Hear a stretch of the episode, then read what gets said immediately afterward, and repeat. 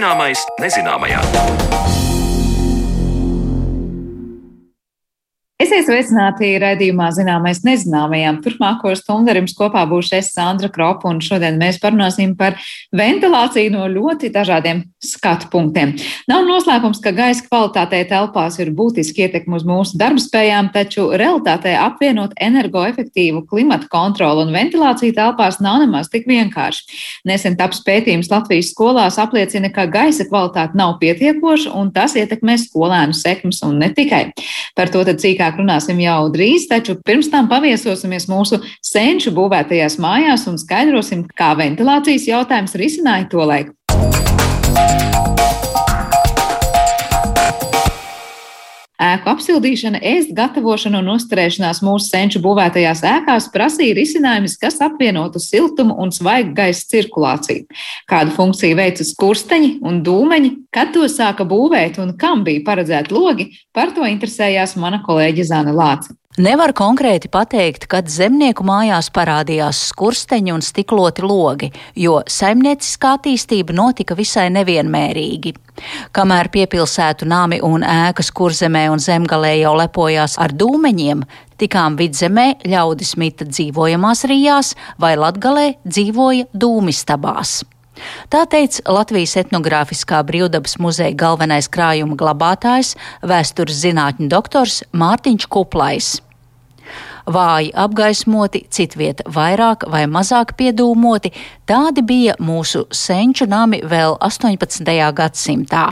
Latvijā šo problēmu sāka risināt tikai 18. gadsimta beigās, un tad vairumā pie pilsētas tajās mājās, protams, jā, Rīgas piepilsētās visur bija skursteņa zemnieku mājās, bet laukos vēl 19. gadsimta sākumā, piemēram, vidzemē, lielākā daļa dzīvoja rijās, kur šo skursteņa nebija.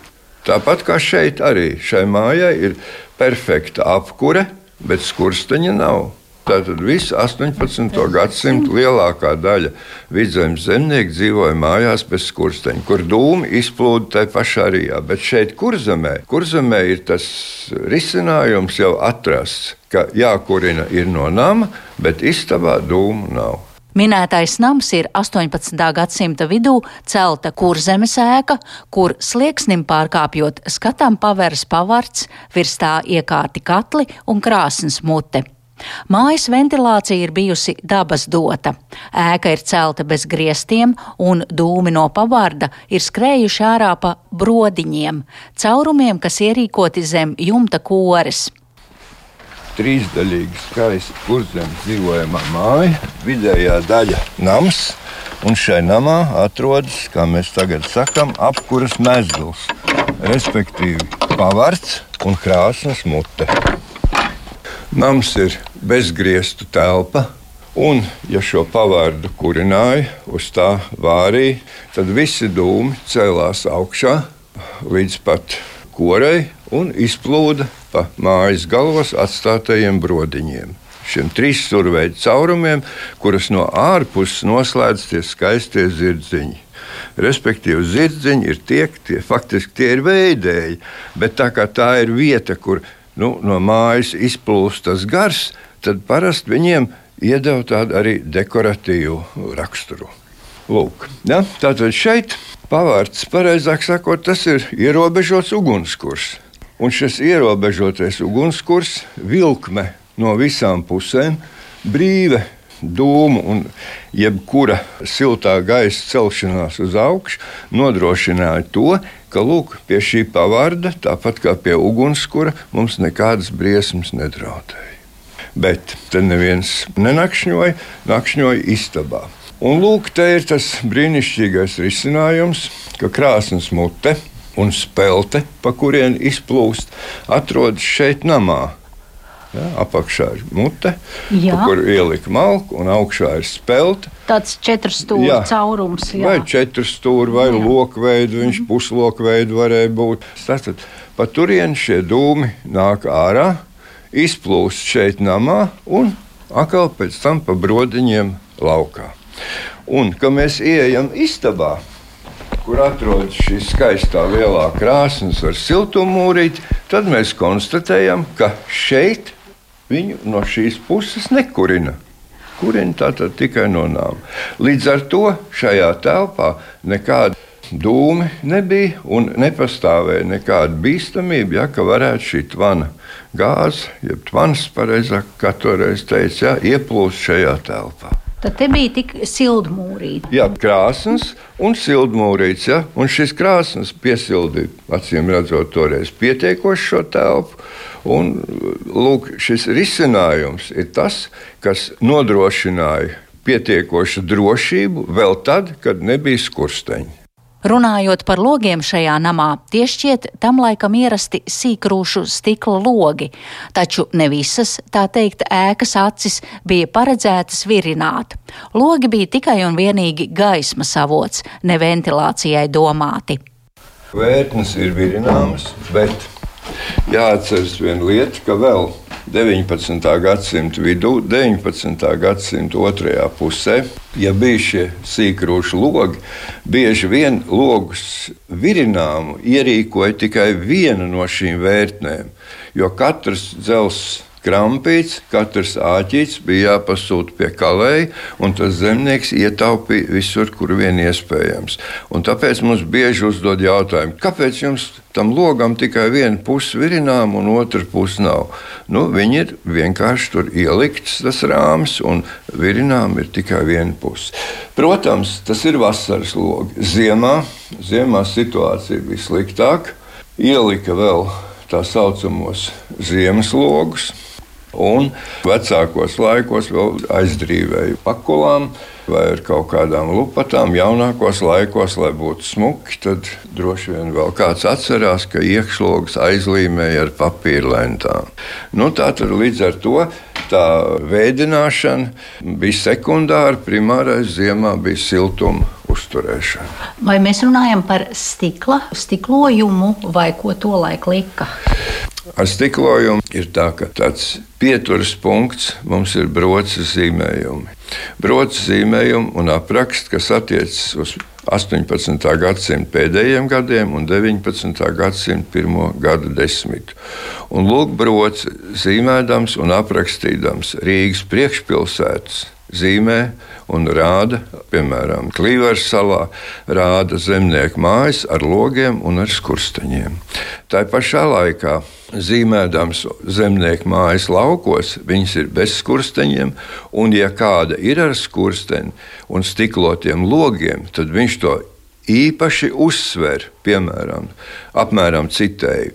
Šajā mājā dzīvo acīm redzot turīgs zemnieks, jo viņam ir stiklots lokus un skurstenis. Tas ir 19. gadsimta pirmie gadu desmiti. Bet es saprotu, ka agrākos laikos jau nebija tā, kā mēs šodien ziemas laikā, augstā laikā atver logu izvēdini. Tad logus šie, šie ziemas logi tur tāds. Šo logi. Visi, visi šie logi, ziemas logi ir diemžēl nevirināmi. Ja nu kāda dūma saskrēja, tad atvērt durvis varbūt Jā. labākā gadījumā. Nu, dūmi, uh, saimnes istabā dūmi bija, jo ļoti ilgi lietoja skalus, skalu gaismā strādāja vai arī eh, rūtītī dedzināja to smalko malciņu. Būtībā tā ir tāds vaļējs, slikti velkošs kamīniņš, ja, no kura tad atkal arī tie dūmi varēja nākt šajā telpā, kur strādā. Nebija pārlieku laba ventilācija un apgaismojums. Nekādā gadījumā. Skatot uz citiem novadiem, vidzemē vēl 18. gadsimtā cilvēki dzīvoja rijās, kur blakus piedarbam bija izbūvēta plaša telpa gan labības žāvēšanai, gan arī ļaudis tur dzīvoja. Un logu vietā šādā rijā bija tikai caurumi, ko ziemā aiztaisīja ciet ar slēģiem.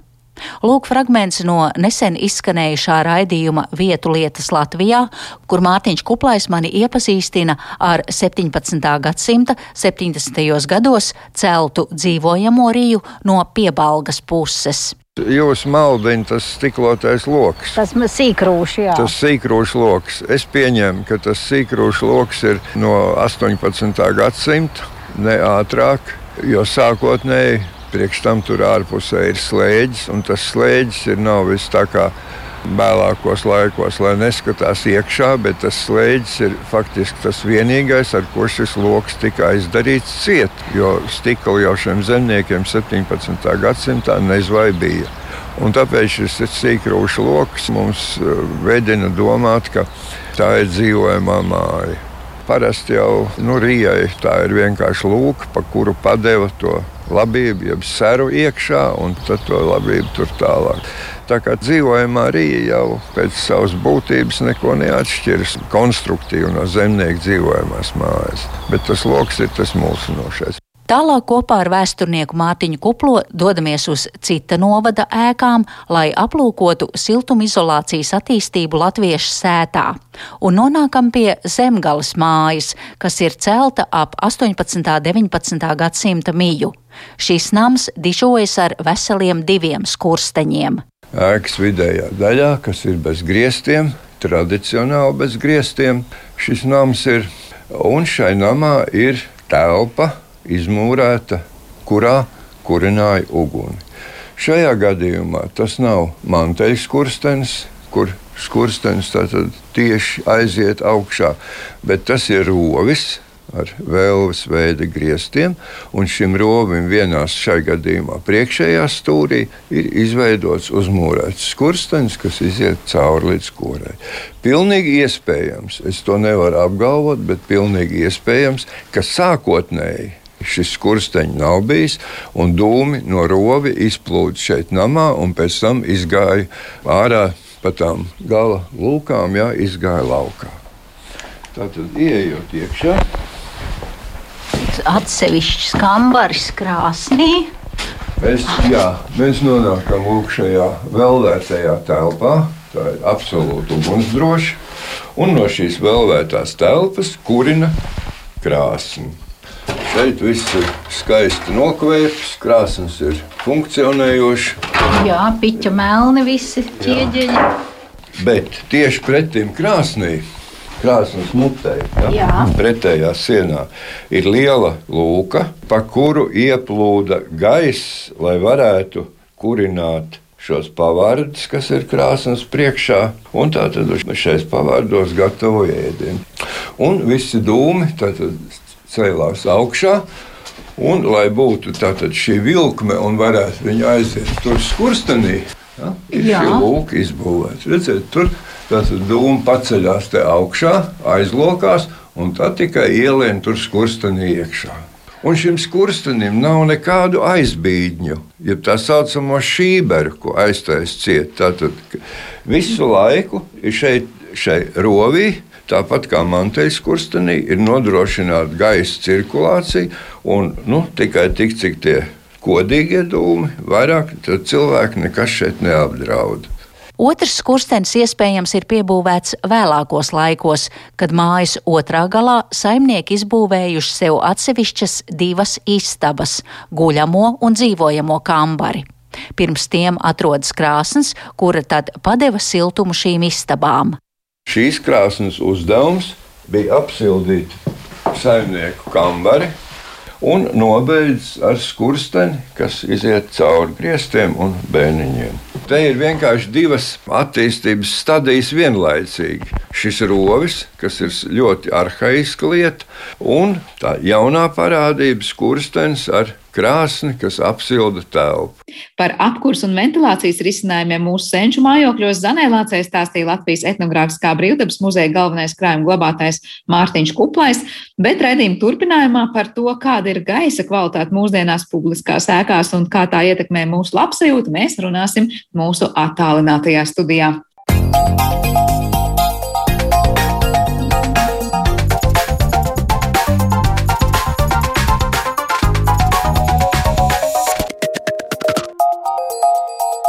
Zināmais nezināmajā. Svaigs gaisa telpās un energoefektivitāte vienlaikus nereti ēku apsaimniekotāji un īpašnieki izvēlas par labu vienai vai otrai, jo abas komponentes apvienot šķiet dažkārt te neiespējami. Labi, tā saucamajās nopakotajās e, siltinātās ēkās patiešām varbūt ir mazāks siltuma zudums un tiek ietaupīti energoresursi un līdzekļi, ko tērējam par apkuri, bet uh, kur šajā visā procesā paliek gaisa kvalitāte? Galu beigās tā ietekmē mūsu ikdienu nemazāk kā klimats telpā. Par to šodien vairāk mēs runāsim ar Līvu Aseri, kura pētījuši šo jautājumu savā disertācijas darbā, un tāpēc mūsu attālinātajā studijā teikšu jāsveic Rīgas Tehniskās Universitātes elektrotehnikas un vidas inženierzinātņu fakultātes vidas aizsardzības un siltuma sistēma institūta absolvents un pētniece Līva Aseri. Sveika, Līva! Labdien! Vispirms, vai ir pamats domāt tam, ko es te jau sākumā pieminēju, ka nu, dažkārt liekas, ir jāizvēlās vai nu siltums un energoefektivitāte, vai svaigs un labs gaiss um, ēkā. Tas ir tāds mīts uh, vai patiesība, ka nu, liekas, ir vai nu vai, un abas kopā mēs saņemt nevaram. Es domāju, ka ilgtermiņā noteikti skatoties, mēs varēsim saņemt arī abas šīs uh, komponentes. Bet, nu, gribot izdarīt to labo darbu un cenšoties ietaupīt tos energoresursus un uh, nopakojot un veidojot energoefektīvas uh, izglītības iestādes un arī cita, cita, citas ēkas, uh, mēs esam panākuši vienkārši to, ka tā telpa, kurā ir tie biezie logi un uh, sienas ir palikusi hermētiskāka, un attiecīgi cilvēku tā telpā joprojām ir daudz. Ja mēs div, nu, ap 20 skolēniem, kur sēž un visi taču elpo, un viņi izdala šo ogļuskābo gāzi kā izelpu, un attiecīgi šis uh, rādītājs CO2 uh, kāpj. Un, ja netiek ventilēts un netiek izvadīts ārā šī, šie, šis rādītājs, tad attiecīgi paliek ar vien grūtāk koncentrēties. Bet ir iespējams panākt šo uh, lēnām iet uz to, ka ir iespējams tikt arī pie risinājuma, kad uh, būs gan energoefektīva ēka, gan arī šis iekštelpu gaisa kvalitāte būs laba. Bet tas ir iespējams, to iespējams panākt, tad, kad tā ventilācijas sistēma ir laba un, un um, atbilstoša, vai tur ir kaut kādi citi risinājumi nepieciešami. Galvenais, principā, ir tas, ja mums ir šī energoefektivitāte, mēs, tas galvenais mērķis ir tas, ka mēs vēlamies samazināt savus finanšu līdzekļus, ko mēs patērējam par siltumenerģijas samaksām. Bet, ja mēs ieslēdzam rekuperācijas iekārtu vai ventilācijas iekārtas, tad viņas rada papildus elektroenerģijas izmaksas. Un, attiecīgi, tāpēc ir šie divi svaru kausiņi, kas mums atdurās jau kārtējo reizi pret finansēm. Bet finanses būs tas nu, vienīgais klupšanas akmens šobrīd, vai mēs teiksim tā, ka sistēma varbūt ir tehniski ir uzbūvēta tā, ka vai nu labāk notur gaisu un sliktāk apmaina to gaisu, vai tas ir tiešām tikai vienīgi naudas jautājums? Mūsu pētītajās ēkās šīs ventilācijas iekārtas ir uzstādītas, bet viņas netiek darbinātas dažādu apstākļu dēļ, kas ir mājas pārvaldnieku pārziņā. Bieži tas, kas izskan nu, cilvēku prātā, kad saka, jā, visas šīs skaistās un labās varbūt ventilēšanas sistēmas, un man neļauj neviens attaisīt logu un tā kārtīgi izveidot telpu, ir tā sajūta, ka nu, tas gaiss, svaigais ienāk tad, kad mēs to logu atveram. Varbūt varat izstāstīt, nu, kāda ir tā pamat, pamatā ideja tam, kāpēc patiesībā atverot logu pilnībā mēs e, nebūtu neielaižam telpā svaigu un labu gaisu, un tas nebūtu nav tas labākais risinājums šīm telpā, ēkām. Ļoti atkarīgs noteikti ir arī no ēkas novietojuma, jo, piemēram, laukos šis arī ārgaisam ir savs CO2 rādītājs, un laukos viņš ir, protams, labāks, un pilsētā viņš arī ir augstāks. Ja Rīgas pilsētas centrā atvērsim logu, nu, tas būs pilnīgi cits stāsts nekā, ja to mēs izdarīsim laukos. Bet uh, iedomājieties ziemu, kuras uh, laikā tiek. Tā, nu, ir arī citi rādītāji telpā, nevis tikai šis CO2 rādītājs, mums arī ir temperatūra. Un ziemā šis uh, temperatūras rādītājs, protams, ir augstāks nekā vasarā. Un, attiecīgi, mēs atverot logu, mēs ielaižam augsto gaisu telpā. Un tāpēc ir nepieciešamas šīs rekuperācijas iekārtas, kas principā jau palīdz uzsildīt to gaisu un ielaiž tīru un siltu gaisu, lai nav šī temperatūras svārstības. Uh, un nav uh, apkurs, ap, nu, sanāk, mēs no, nosiltinājuši ēku, lai samazinātu līdzekļus par siltumenerģiju, bet tajā pašā laikā, ja mēs uh, atveram logu, mēs jau ielaižam augstu gaisu, kas vienalga ir jāuzsilda, un mēs atkal zaudējam finanses, kurš uh, citādāk būtu Jo, nu, kurš mērķis mums bija iegūt viņus? Bet eh, par to gaisa kvalitāti runājot, ko mēs iegūstam no tā ventilētā gaisa vai atvērtā loga ceļā, ie, ie, jā, iegūtā gaisa. Ir pamats domāt, ka dažkārt cilvēks saka, man ir sajūta, ka tajās ēkās, kur ir šīs ventilācijas sistēmas, es tur jūtos daudz nogurušāks beig beigās, un man ir sajūta, ka svaiga gaisa nav, nekā ja es to logu atveru. Un tā ir tāda nu, psiholoģiska mūsu sajūta, ka atverot logu mums ir tas svaigais gaiss, un mēs vairāk ko labu gūstam, nekā paļaujamies uz ēkās esošajām ventilācijas sistēmām. Ja skatītos tikai no CO2 šī indikātora, es teiktu, ka tas būtu vairāk psiholoģiski. Ja skatītos no citiem apstākļiem, tad tas varbūt ir jāpēta sīkāk ar ventilācijas sistēmu apkopēm, bet šajā jautājumā es nebūšu tik spēcīga. Tur noteikti varam vēl kādu padiskutēt. Tā kā katrai ēkai būtu tomēr jāstāsta katrā konkrētajā gadījumā, kāds ir tas gaiss, kas tiek ielaists tajā telpā, atbilstoši vai nu pa logu, vai nu pa šo ventilācijas sistēmu. Kas ir tas, kas jūsu disertācijā tika pētīts un skatīts, un, un kādi ir tie secinājumi? Mans promocijas darbs vispār ir um, sešu dažādu zinātnisku rakstu kopa. Viņš secīgi tika pētīts sākumā izglītība, valsts un pašvaldību, valsts un pašvaldību ēka energoefektivitātes, kā tas, kādas laika nogriezienī mainās, mums pienāk finansējums, mēs siltinām ēkas un cik strauji ir iespējams viņas siltināt. Un mazliet vēlāk pienāca šis aspekts par pētījumu liepājas skolās, kurās mēs pētījām tieši klases un mācību laikā vairāk nedēļu garumā, kā kurā telpā vairāk rādītāju, temperatūra, relatīvais gaisa mitrums, CO2 rādītājs, kā tas mainās dienās. Un ļoti labi varēja novērot šo CO2 tādus tā kā pīķus un e, ikdienas dinamiku, jo mm, dienas laikā, kad ļoti labi var novērot tieši darba dienu, kuras laikā, ja pa, di, pa iepriekšējā, pieņemsim, vakarā šis rādītājs ir daudz zemāks, bet ienākot telpā šiem skolēniem un pavadot, pieņemsim, tās 40 minūtes mācību stundu, viņš strauji kāpi un var salīdzinot šos datus ar temperatūru, ļoti labi var redzēt, eh, ka nu, netiek darbināti tieši ventilācijas iekārtas, bet eh, tie pīķi ir eh, strauji kritumi, ir saistīti ar logu atvēršanu, nevis ar ventilācijas iekārtu darbību. Kopbilde ir tāda, mēs pētām um, energoefektivitāti un iekštāpu gaisa kvalitāti izglītības iestādes ēkās. Attiecīgi, šie ir divi lielie faktori, kurus spēlē, un ir izveidots uh, sistēma dinamikas modelis, kurā izglītības iestādes uh, saņem finanšu resursus, lai veiktu energoefektivitātes pasākumus. Un, attiecīgi, tiek modelēti vairāk scenāriju, vai um, šajās iestādēs tiek darbināta ventilācija vai nē.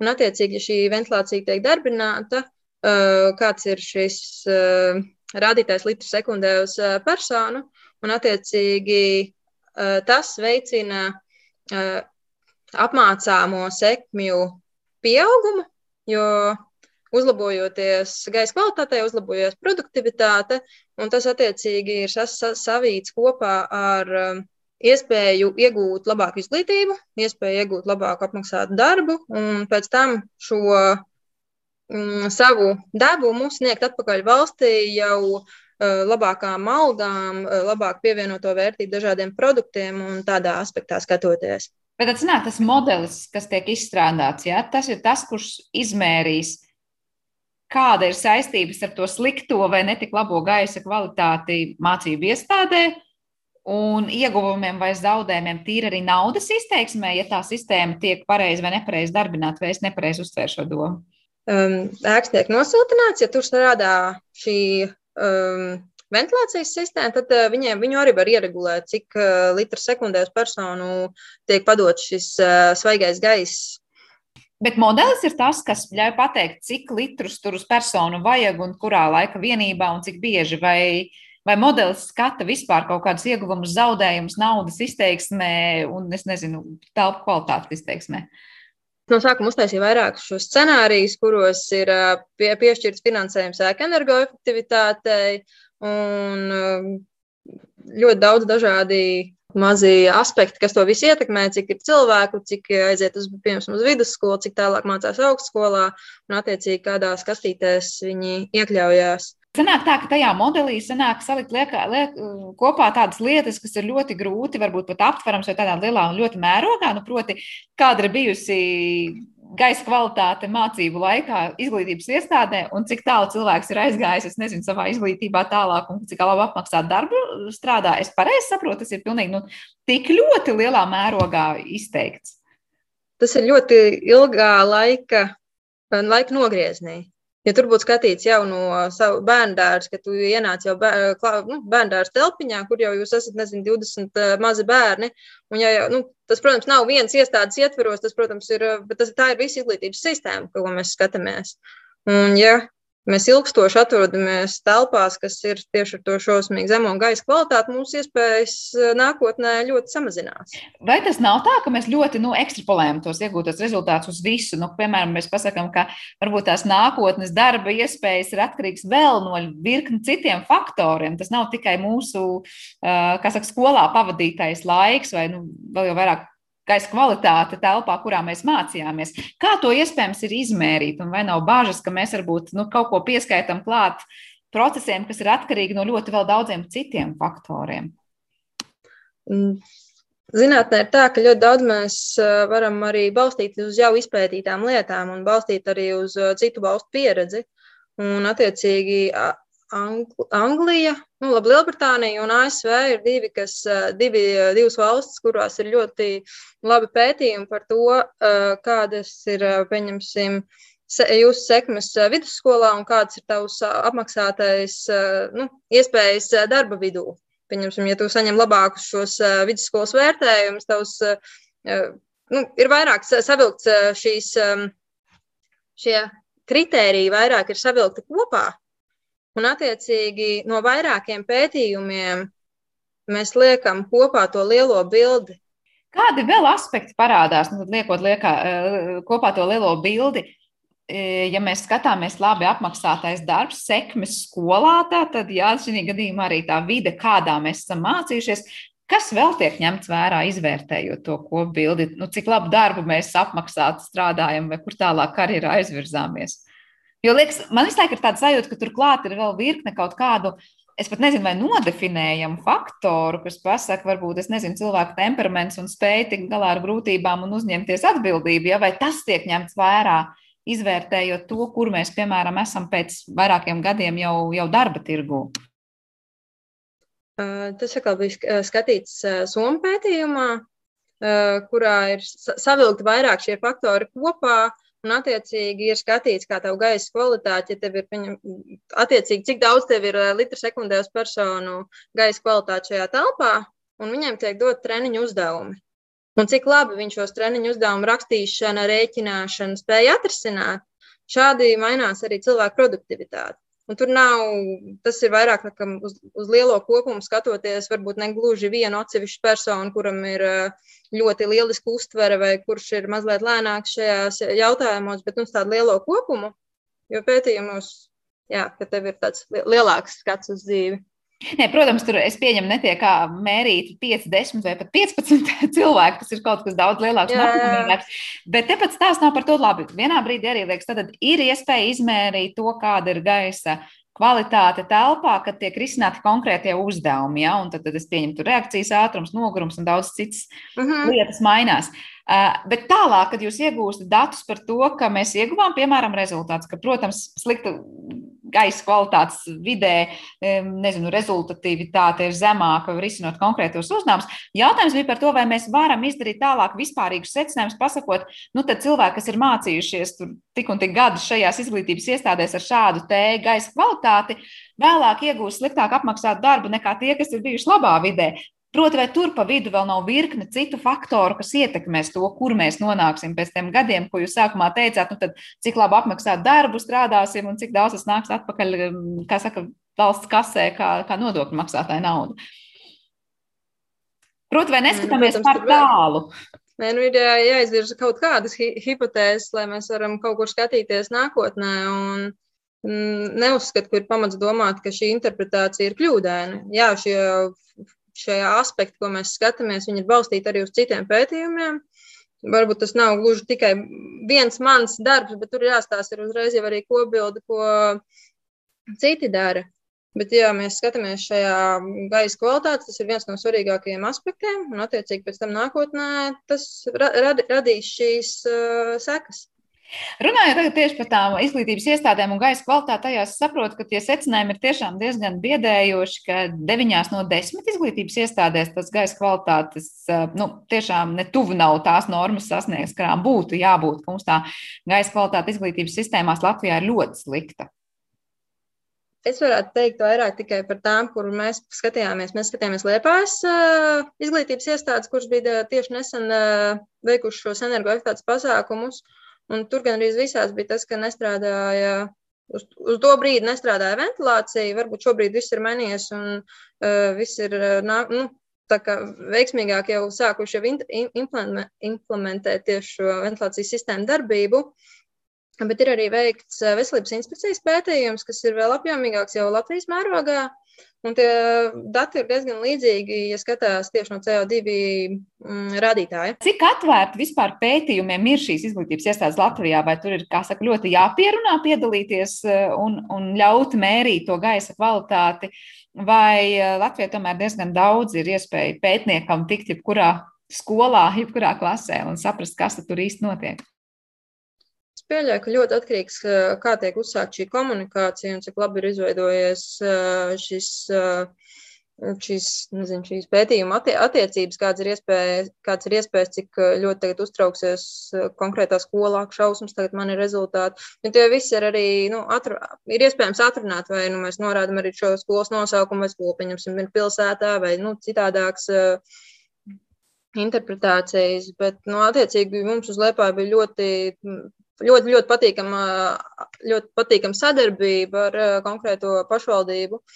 Un arī ar izglītības iestādēm bija patīkami strādāt un iespēja šos mērījumus par veikt. Bet ņemot vērā, ka man liekas, ka bija vairāk kā simts vai nu mācības iestādes vai klases, kas ir veselības institūcijas pētījumā, es uzskatu, ka tad, tad, tad, tad ir diezgan pretīm pretīm nākošas šīs izglītības iestādes, un viņi arī vēlās to, lai eh, šie apmācāmie būtu eh, kvalitīvā vidē mācītos. Bet var teikt, ar tām simts apmācības iestādēm vai klasēm tas ir pietiekoši vispār Latvijas kontekstā. Mēs varam teikt, tā ir apzināta lieta, vai mums ir ļoti daudz vēl trūkstošo datu par to, kāda ir tā gaisa kvalitāte dažādās, varbūt dienās un, un, un vietās Latvijā. Tas skats jau arī ir uh, diezgan visaptvarošs jau sāk palikt, jo tās simts jau bija diezgan uh, plašs mērogs. Nu, mēs varētu pētīt, protams, visas uh, skolas, bet nu, tas, tā tendence jau ir jūtama. Un, ja, tie, tā, ja tā tendence parāda tieši tos līdzīgus rādītājus, kad tie rādītāji pāriet par to 1000 ppm daļiņām, ļoti vairākās vietās arī bija vairāk kā 2000. Tad šie skolēni vienkārši paliek miegaini, viņiem ir grūti koncentrēšanās spējas zūd un attiecīgi arī grūtāk kaut ko ir iemācīties. Par to, kā notika pati mērīšana, tad tā ir kāda viena konkrēta ierīce, kas visur tiek aiznesta, nolikt un tā vienkārši mēra kas notiek gaisā, vai tas ir daudz sarežģītāks process? Kā, kas ir tā ierīce un kā, kāds ir tas darbības princips? Bija vairākas ierīces. Viena mērīja vairāk tieši temperatūru, relatīvo gaisa mitrumu, otra iekārta mērīja CO2 līmeni. Viņas stāvēja veselu nedēļu konkrētajā. Nu, tieši mūsu pētījumā viņi stāvēja veselu nedēļu konkrētajās mācību telpās, Un tāpēc ir arī ļoti skaisti redzama dinamika, kā tas mainīs. Main, nu, ja saliek tieši par darbu, piemēram, darba dienas, gan brīvdienas, kā, kā cik zemi rādītāji ir brīvdienās, kad šī situācija, kad nav cilvēku telpās, kā viņi ir, kad darba dienās, ļoti izteikti ir šīs darba, darba dienas stundas, kurās ir redzami, kad ir šie lielie pārsniegumi. Un, Un tātad tajās pat ir iespēja ieraudzīt atvērto logu epizodus, kā jūs minējāt pašā sākumā. Uh, Nu, ja saliek tieši tos datus kopā konkrētajā dienā, piemēram, gan to, gan to temperatūru, gan mitrumu, gan CO2, vairākas rādītājas saliekot viens, viens ietvaros, var jau izdarīt secinājumu. Bet cik laikietilpīgi ir tikt pie tādiem secinājumiem?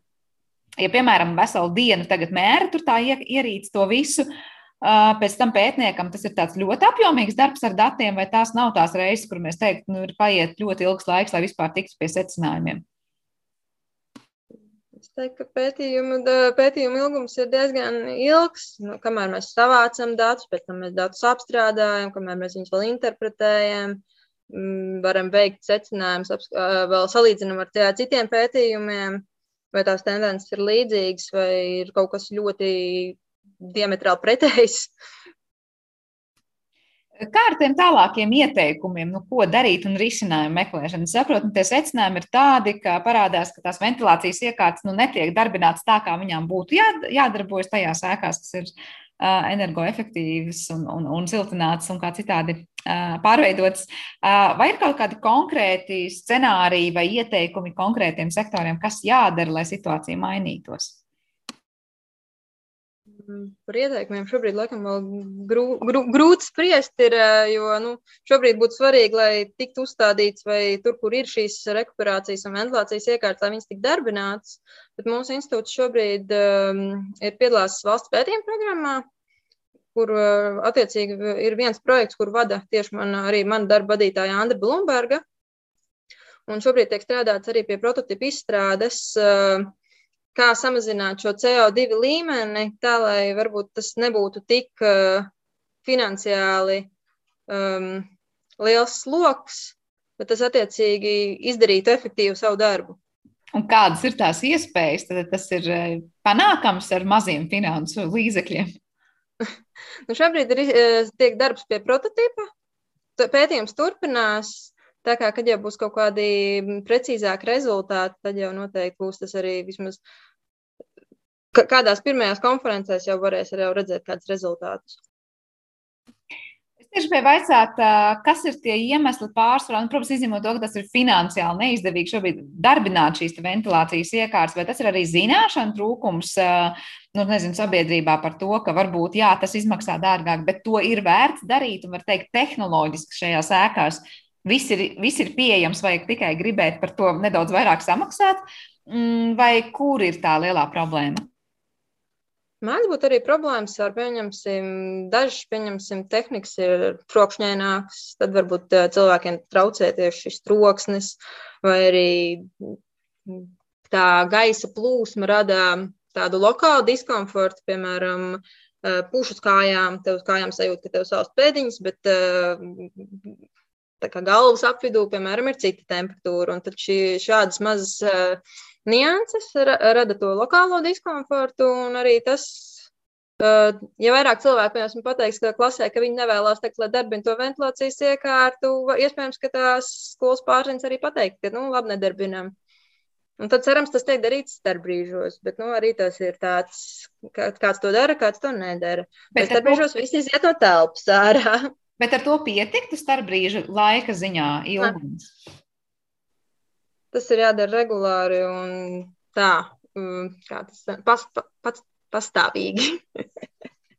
Noslēdzot pamazām šo sarunu, kas notiks tālāk? Tad, labi, prototyps tiek izstrādāts, vai mēs sagaidām vēl kaut kādu plašāku pētījumu, kurā iesaistās vēl citas izglītības iestādes, vai tas ir vēl kaut kādi nu, jau konkrēti ieteikumi konkrētajām iestādēm, kā padarīt sistēmu, gan kā tikko minējāt, lētāku un finansiāli izdevīgāku, vai nezinu, trokšņu mazinošāku, vai kā citādi. Kādas ir tā tālākā nākotnes perspektīva? Nu, šo, šo, šobrīd tā lielā perspektīva ir tāda, ka mūsu institūts strādā pie šī risinājuma izstrādes, kā samazināt to CO2 līmeni e, telpā, un kurš patērēs maz enerģiju. Un tad arī kā, kāds tas prototyps varētu būt kā nākotnes ieteikums. Bet kā jau visas jaunās tehnoloģijas, iespējams, es nemāku vēl šobrīd runāt par finanšu, cik tas var maksāt vēl Eh, konkrēti ieteikumi vai, vai redzējums, cik tas izmaksātu un cik tas būtu finansiāli izdevīgi vai neizdevīgi, vēl nav, bet tehnoloģiski tā tad, nu, var teikt, daudz kas ir pieejams šobrīd, lai tā gaisa kvalitāte būtu labāka iekštelpās.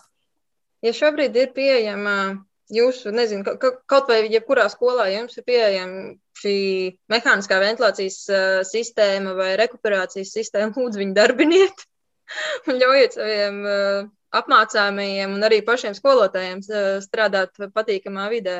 Šobrīd gan ir liela diskusija ar uh, pandēmijas laiku, jo ļoti daudz kas notiek mājās, un tad būtu jāsāk domāt jau arī citā aspektā, nevis tikai par izglītības iestādēm, bet arī kāda ir šī gaisa apmaiņa dzīvokļos, piemēram, vai īstenībā jau pēc tam tas viss tiek savilkts kopā arī ar uh, birojiem.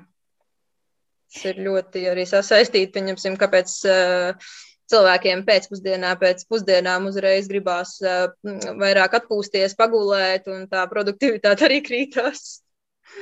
Jā, te daudz aspektu, par kuriem domāt, un pavisam noteikti nu, skaidrs ir viens, ka uzturēties uh, svaigā gaisā un labā, labas kvalitātes gaisā mums nevienam par sliktu nenāk, un tas attiecas gan uz māju, gan uz skolu, gan uz darba vietu. Tā kā, nu, jebkurā gadījumā, ja tas gaiss tajā konkrētajā telpā nav īsti kvalitatīvs, tad nu, ne par kādiem lieliem ieguvumiem mēs noteikti runāt nevaram. Paldies liels par šo sarunu, lai veiksmas tālākajos pētījumos un, uh, un dažādu iespēju apzināšanā un atgādināšu mūsu klausītājiem, ka Raidījuma attālinātajā studijā šodien viesojas Rīgas Tehniskās Universitātes elektronikas un vidas inženierzinātņu fakultātes vidas aizsardzības un siltumsistēma institūtā absolventa un pētniece Līva Asara. Ar to arī raidījums ir izskanējis un par to parūpējās producenta Paula Gulbinska un mūzikas redaktors šeit stundē bija Girds Bišs, ar jums kopā savukārt bija Sandra Kropa un uz tikšanos jau atkal rīt. Visu labu!